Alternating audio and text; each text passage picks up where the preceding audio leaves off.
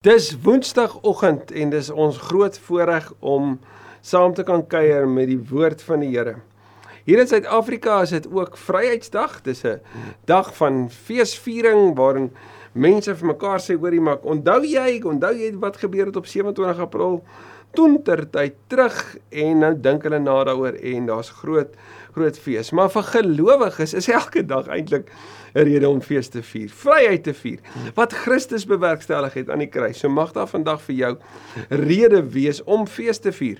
Vir almal wat dalk nie inkyk en ons is so dankbaar vir hierdie groeiende getal mense wat deel word van die reis. Ons wil vir jou sê baie welkom.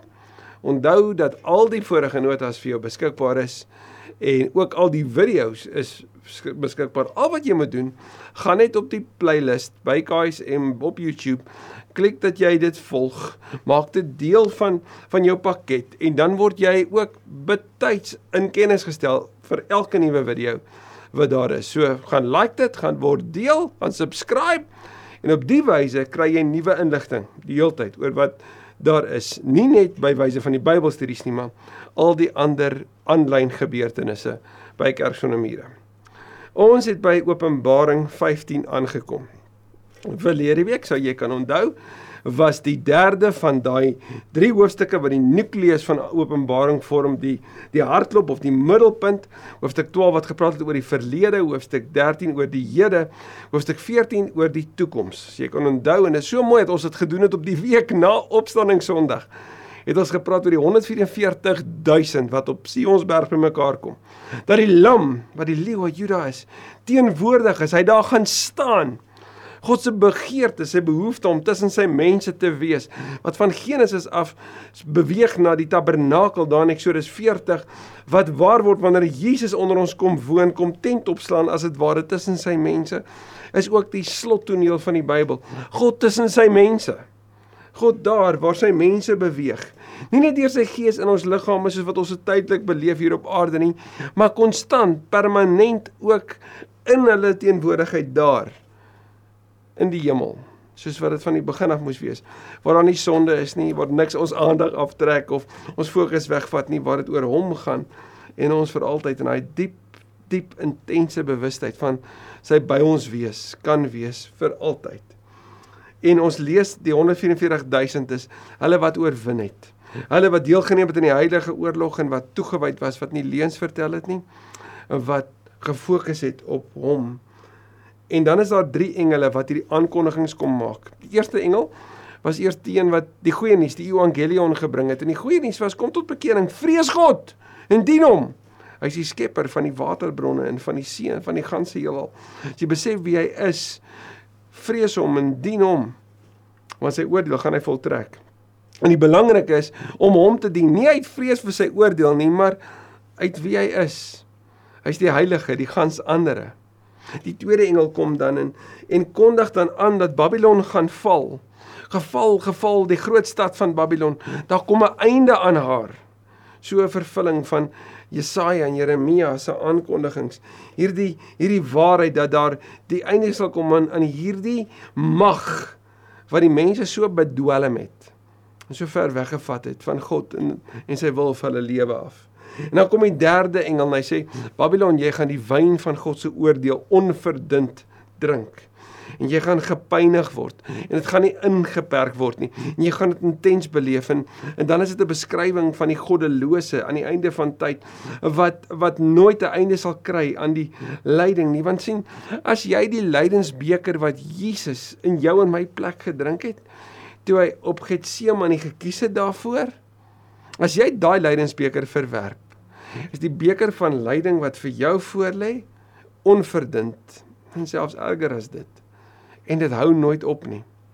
Maar as jy Jesus ken, jy sy liefde beleef, as jy glo nie net in sy kruisdood nie, maar in sy opstanding, as jy glo in hom as Here, as jy dit bely, dan sê Openbaring 14 vir ons daar aan die einde, is daar vir jou ewige rus. Want ons rus sê die Heilige Gees vir hulle wat van vandag af in die Here sterwe, hulle gaan in sy rus in. Dis in hoofstuk 14 en hoofstuk 16 is daar weer 'n tussentoneel. Soos daar was met die vorige twee keer waarin daar sewe oordeels aankondigings van God af was. En ons moet dit nie kronologies sien as daar was hierdie oordeels aankondiging en toe staan 'n tydsverloop en toe staan weer hierdie sewe oordeels aankondigings. Jy weet, dit was eers die sewe seels, toe die sewe trompette en nou in hoofstuk 16 gaan ons sien die sewe bakke. So as dit waar asof die een op die ander gaan en dit so so half verlang is nie, maar nee, eerder dat hulle parallel loop. Dat soos wat die een gebeur, so gebeur die ander een. Maar voordat ons die aankondigings by die sewe bakke in hoofstuk 16 wat ons volgende week by gaan stil staan, gaan lees. Hoor ons van hierdie tussentoneel, hierdie hemelse toneel wat vir ons help om weer op God te fokus soos dit moet. Ons weet met hierdie drie oordeels aankondigings neem die intensiteit die heeltyd toe.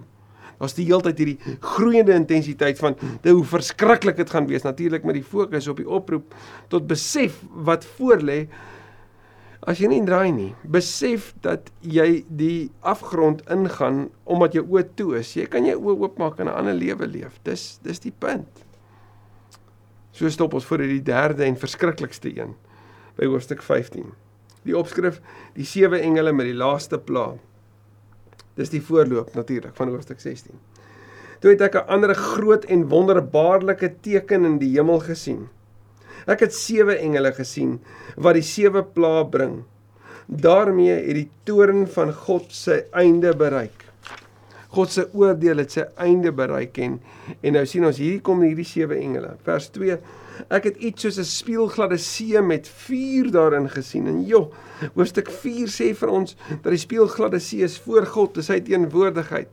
Maar die vuur hier binne, ja, dit sou kon dink oor vulkaniese uitbarstings van Vesuvius wat in die see ingeloop het.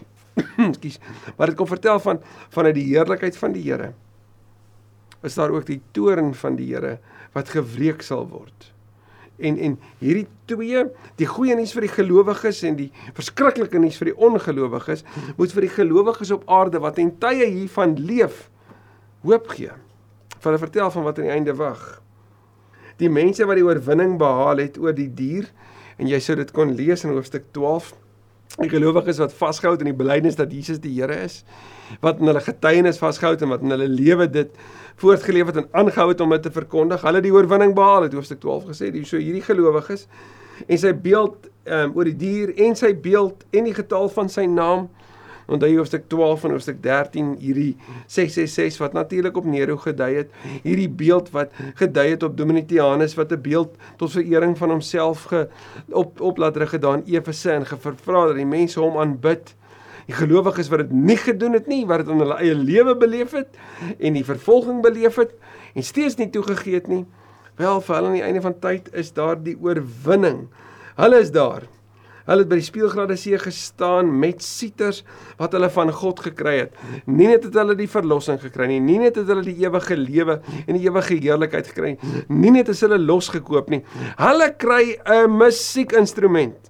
Hulle word deel van hierdie groot orkes. Onthou jy ons het vroeër gesien daar in Openbaring 4 en 5 dat daar hierdie massiewe orkes is, 28 groot die 24 oudelinge wat die ganse kerk verteenwoordig daar voor die troon en hierdie vier lewende wesens wat die ganse skepping verteenwoordig. Die een wat wat die wat die kruipende diere en die en die en die die, die wilde kruipende diere en die mak kruipende diere en dan die voëls in die lug en die mens. Daai vier word verteenwoordig deur die vier lewende wesens soos die ganse skepping. Hierdie skepping waarvan die getal 4 is daar in Openbaring. Hulle en die 24 ouderlinge het almal sieters by die Here gekry en hulle het hierdie lofmusiek gesing. Wel nou sien ons die gelowiges in die hemel het elkeen 'n sieter in die hand gekry. Kom ek maak dit sommer net vinnig duidelik. Aanbidding en lof gaan deel wees van jou ewige ewige lewe vir altyd. So ons mag dalk net so vinnig as moontlik daarin gewoond raak en dit inoefen want ons gaan dit vir die res van ons lewe doen omdat hy is wie hy is. Hulle sing die lied van Moses. Nou ek en jy sal in Eksodus 15 vers 1 tot 18 soveel hiervan lees en ek wil jou ernstig aanmoedig. Gaan lees dit. Dalk hierna, dalk in hierdie week. Maar gaan lees dit, gaan lees hierdie lied van oorwinning en van bevryding, van aanbidding van wie die Here is, van erkenning van sy karakter en wat hy doen en wie hy is. Alles in lof. So alle deel in daai lied, die lied van bevryding. Die lied van Moses, die dienaar van God.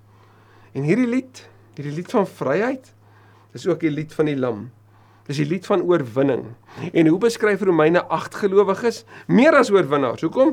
Deur hom wat vir hulle liefhet. So hulle is nie net die wat die teenkanting wat in hulle lewe gebeur oorwin nie. Hulle gebruik self daai oorwinning tot hulle voordeel. Anders gesê, as daar iets in jou lewe gebeur het en jy dit oorkom het en jy dit dan kan benut tot diens van ander, is jy nie net 'n oorwinnaar nie, maar meer as 'n oorwinnaar. En jy is 'n oorwinnaar omdat jy agter die groot oorwinnaar, die triomfator soos Kolossense hom beskryf, agter aanstap in sy triambos staan hoofstuk 2. Is die lied van die lam. Ek wil jou ook aanmoedig gaan lees Psalm 22. Psalm 22 het ons in paastyd gesien begin met die kruiswoorde my God my God waarom het U my verlaat? En dit beweeg deur hierdie absolute tragiese hartseer van van Christus se kruisgebeure. Jy gaan dit daar lees so asof Dawid woorde geskryf het wat later presies so waar geword het in Jesus se lewe.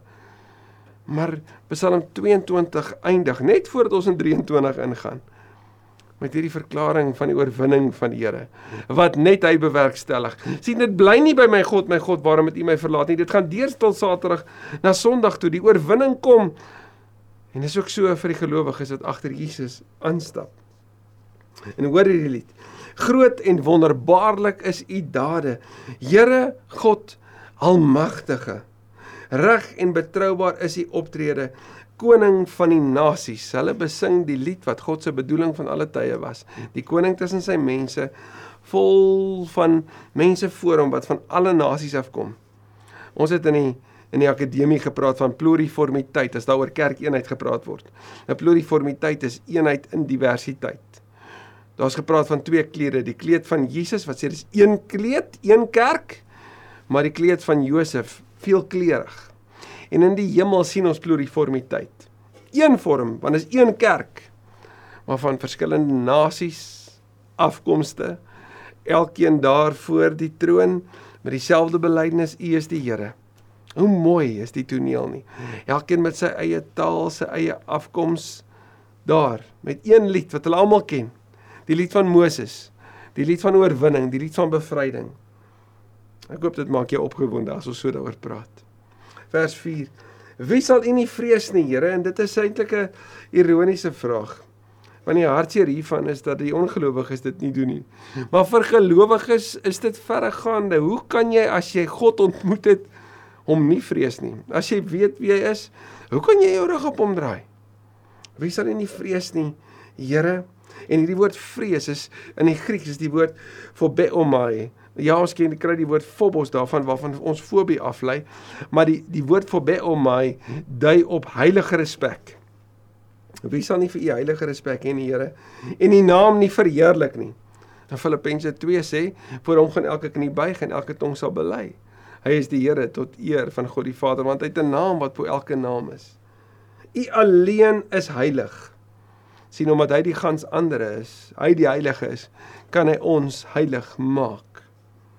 Al die nasies sal U kom aanbid, want hulle sal sien dat U handelswyse regverdig is. En God se regverdigheid kom ook daarin dat hy die sonde wreek. Dat hy die ongelowiges wat nie draai tot hom wanneer die tyd verby is, dat hy hulle straf. Want as hy dit nie gedoen het nie, dan was hy nie regverdig nie. Want dan het hy dit goedgekeur. Daarom straf hy hulle. Want hy is die koning van geregtigheid. Hierna het ek gesien die tempel in die hemel, die woonplek van God is oopgemaak. Nou hierdie woonplek tabernakel, daar waar die Here is. En hoor mooi, wanneer dit oopgemaak word, die tabernakel was die plek in die in die Ou Testament daar in Eksodus 40 en dis meer waar waar die Here ontmoet is een keer per jaar, nê? Nee, is daar in die allerheiligste in beweeg. Daar waar die ark was, wat so dui op die nabyheid. Nou weet ons met met met goeie Vrydag hierdie hierdie hierdie hierdie tempelvoorhangsel geskeur en daar's nou vrye toegang tot in die allerheiligste vir almal. Maar hier in hierdie tyd van oordeelsaankondiging is daar iets wat in die hemel gebeur wat Johannes ervaar. Die tempel is oopgemaak en die sewe engele wat die sewe plaae bring het uit die tempel uitgekom. So hulle beweeg vanuit die nabyheid wat hulle met God gehad het uit om eers die oordeel te wreek op die ongelowiges. Hulle het helder blink klere aangetree Hierdie helder blink klere aan die een kant dui dit op Openbaring 19 op die bruid van Christus. Maar aan die ander kant beskryf hierdie linne klere ook die priesters van die Ou Testament. So hierdie hierdie engele, hierdie sewe engele met die sewe pla bring iets van 'n priesterlike diens van hulle die oordeel gaan wreek op die ongelowiges. Hulle is skitterend wit en rein, skoon en heilig maar hulle kom om diens te doen vir God en daai diens beteken om 'n oordeel te voltrek. En elkeen het 'n goue band om die bors gehad, gaan lees gerus Eksodus 39 hieroor. Een van die vier lewende wesens, onthou jy Openbaring 4:6, het toe aan die sewe engele sewe goue bakke gegee.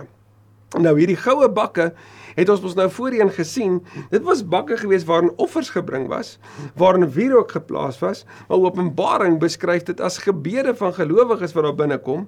En dan sien ons later dat hierdie gebede wat tot God toe kom word gevul met sy teenwoordigheid en dan word dit bakke van oordeel wat oor die nasies uitgegooi word oor hulle wat nie glo nie.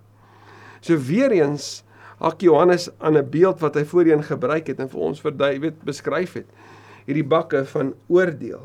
So hierdie engele kry elkeen 'n bak as dit ware, gevul met die toorn van God van hom wat tot in alle ewigheid leef. Gaan lees hoofstuk 5 vers 8 en 6 vers 9 tot 10 oor die ander bakke. En dan vers 8. Die tempel het vol rook geword van wie die heerlikheid en die mag van God. God vul sy tempel met sy teenwoordigheid. En niemand kon in die tempel of in die woonplek van die Here ingaan nie daar waar die ark is, waar die allerheiligste is. Want sien voordat jy die die totale heerlikheid van die Here bereik en en beleef moet die bose eers oorgewreek word, moet die oordeel voltooi word, volbring word. En niemand kon die tempel ingaan voordat die sewe plaae van die sewe engele hulle einde bereik het nie. En die sewe engele gereed om die oordeel te voltrek. En met hierdie tussentoneel van wie God is, van hoe heilig hy is, bring Johannes ons by 'n spanningspunt van wat gaan nou gebeur want sien ons het nou al twee keer sewe gehoor. Hier is die derde sewe. Ekskuus, die finale sewe as jy wil. Die laaste oomblik waarin God se oordeel gewreek word. En vir hulle wat nie glo nie, is dit die verskriklikste nuus. Vir die gelowiges die mooiste troos, want die einde is in sig. En weet jy wat wag? 'n Bruilof. Is jy gereed? Amen. Kom ons bid. Dankie Here vir hierdie pragtige tussentoneel, vir hierdie kosbare hoofstuk, vir hierdie beelde wat U vanuit Openbaring met ons deel, wat ons uit die woord uit lees en wat vir ons help om die groot lyne wat in die in die Bybel is ook raak te sien en te besef, te ontdek en toe te pas. Ag Here, kom en help ons om met die hoop wat Openbaring ook vir ons bring vandag om daarmee te leef Maar ek bid ook vir hulle wat wat besig is om speletjies te speel. Nie toegewyd aan U te leef nie. So halfhartiglik beweeg en en eintlik dink hulle kan hierdie ding doen net soos wat hulle wil. Eintlik dink dat deur net te glo gee vir jou paspoort na die hemel toe. Help ons om te weet dat ja om te glo en te besef en te bely is die enigste manier. Maar wat daarmee saamgaan is 'n lewe wat toegewy is aan U. 'n lewe wat glo en doen soos ons ook al gehoor het tot nou toe. Mag ons hierdie oomblik aangryp. Mag ons die hoop aangryp. Mag ons die nuwe lewe wat van U afkom aangryp. In Jesus se naam. Amen. As jy gebed nodig het, asseblief stuur vir ons jou versoeke. As jy wil deel wees van 'n groep, jy kan ook aanlyn deel wees van 'n groep. Asseblief stuur vir ons jou inligting. Ons wil graag met jou kontak maak. Ek hoop jy het 'n baie mooi week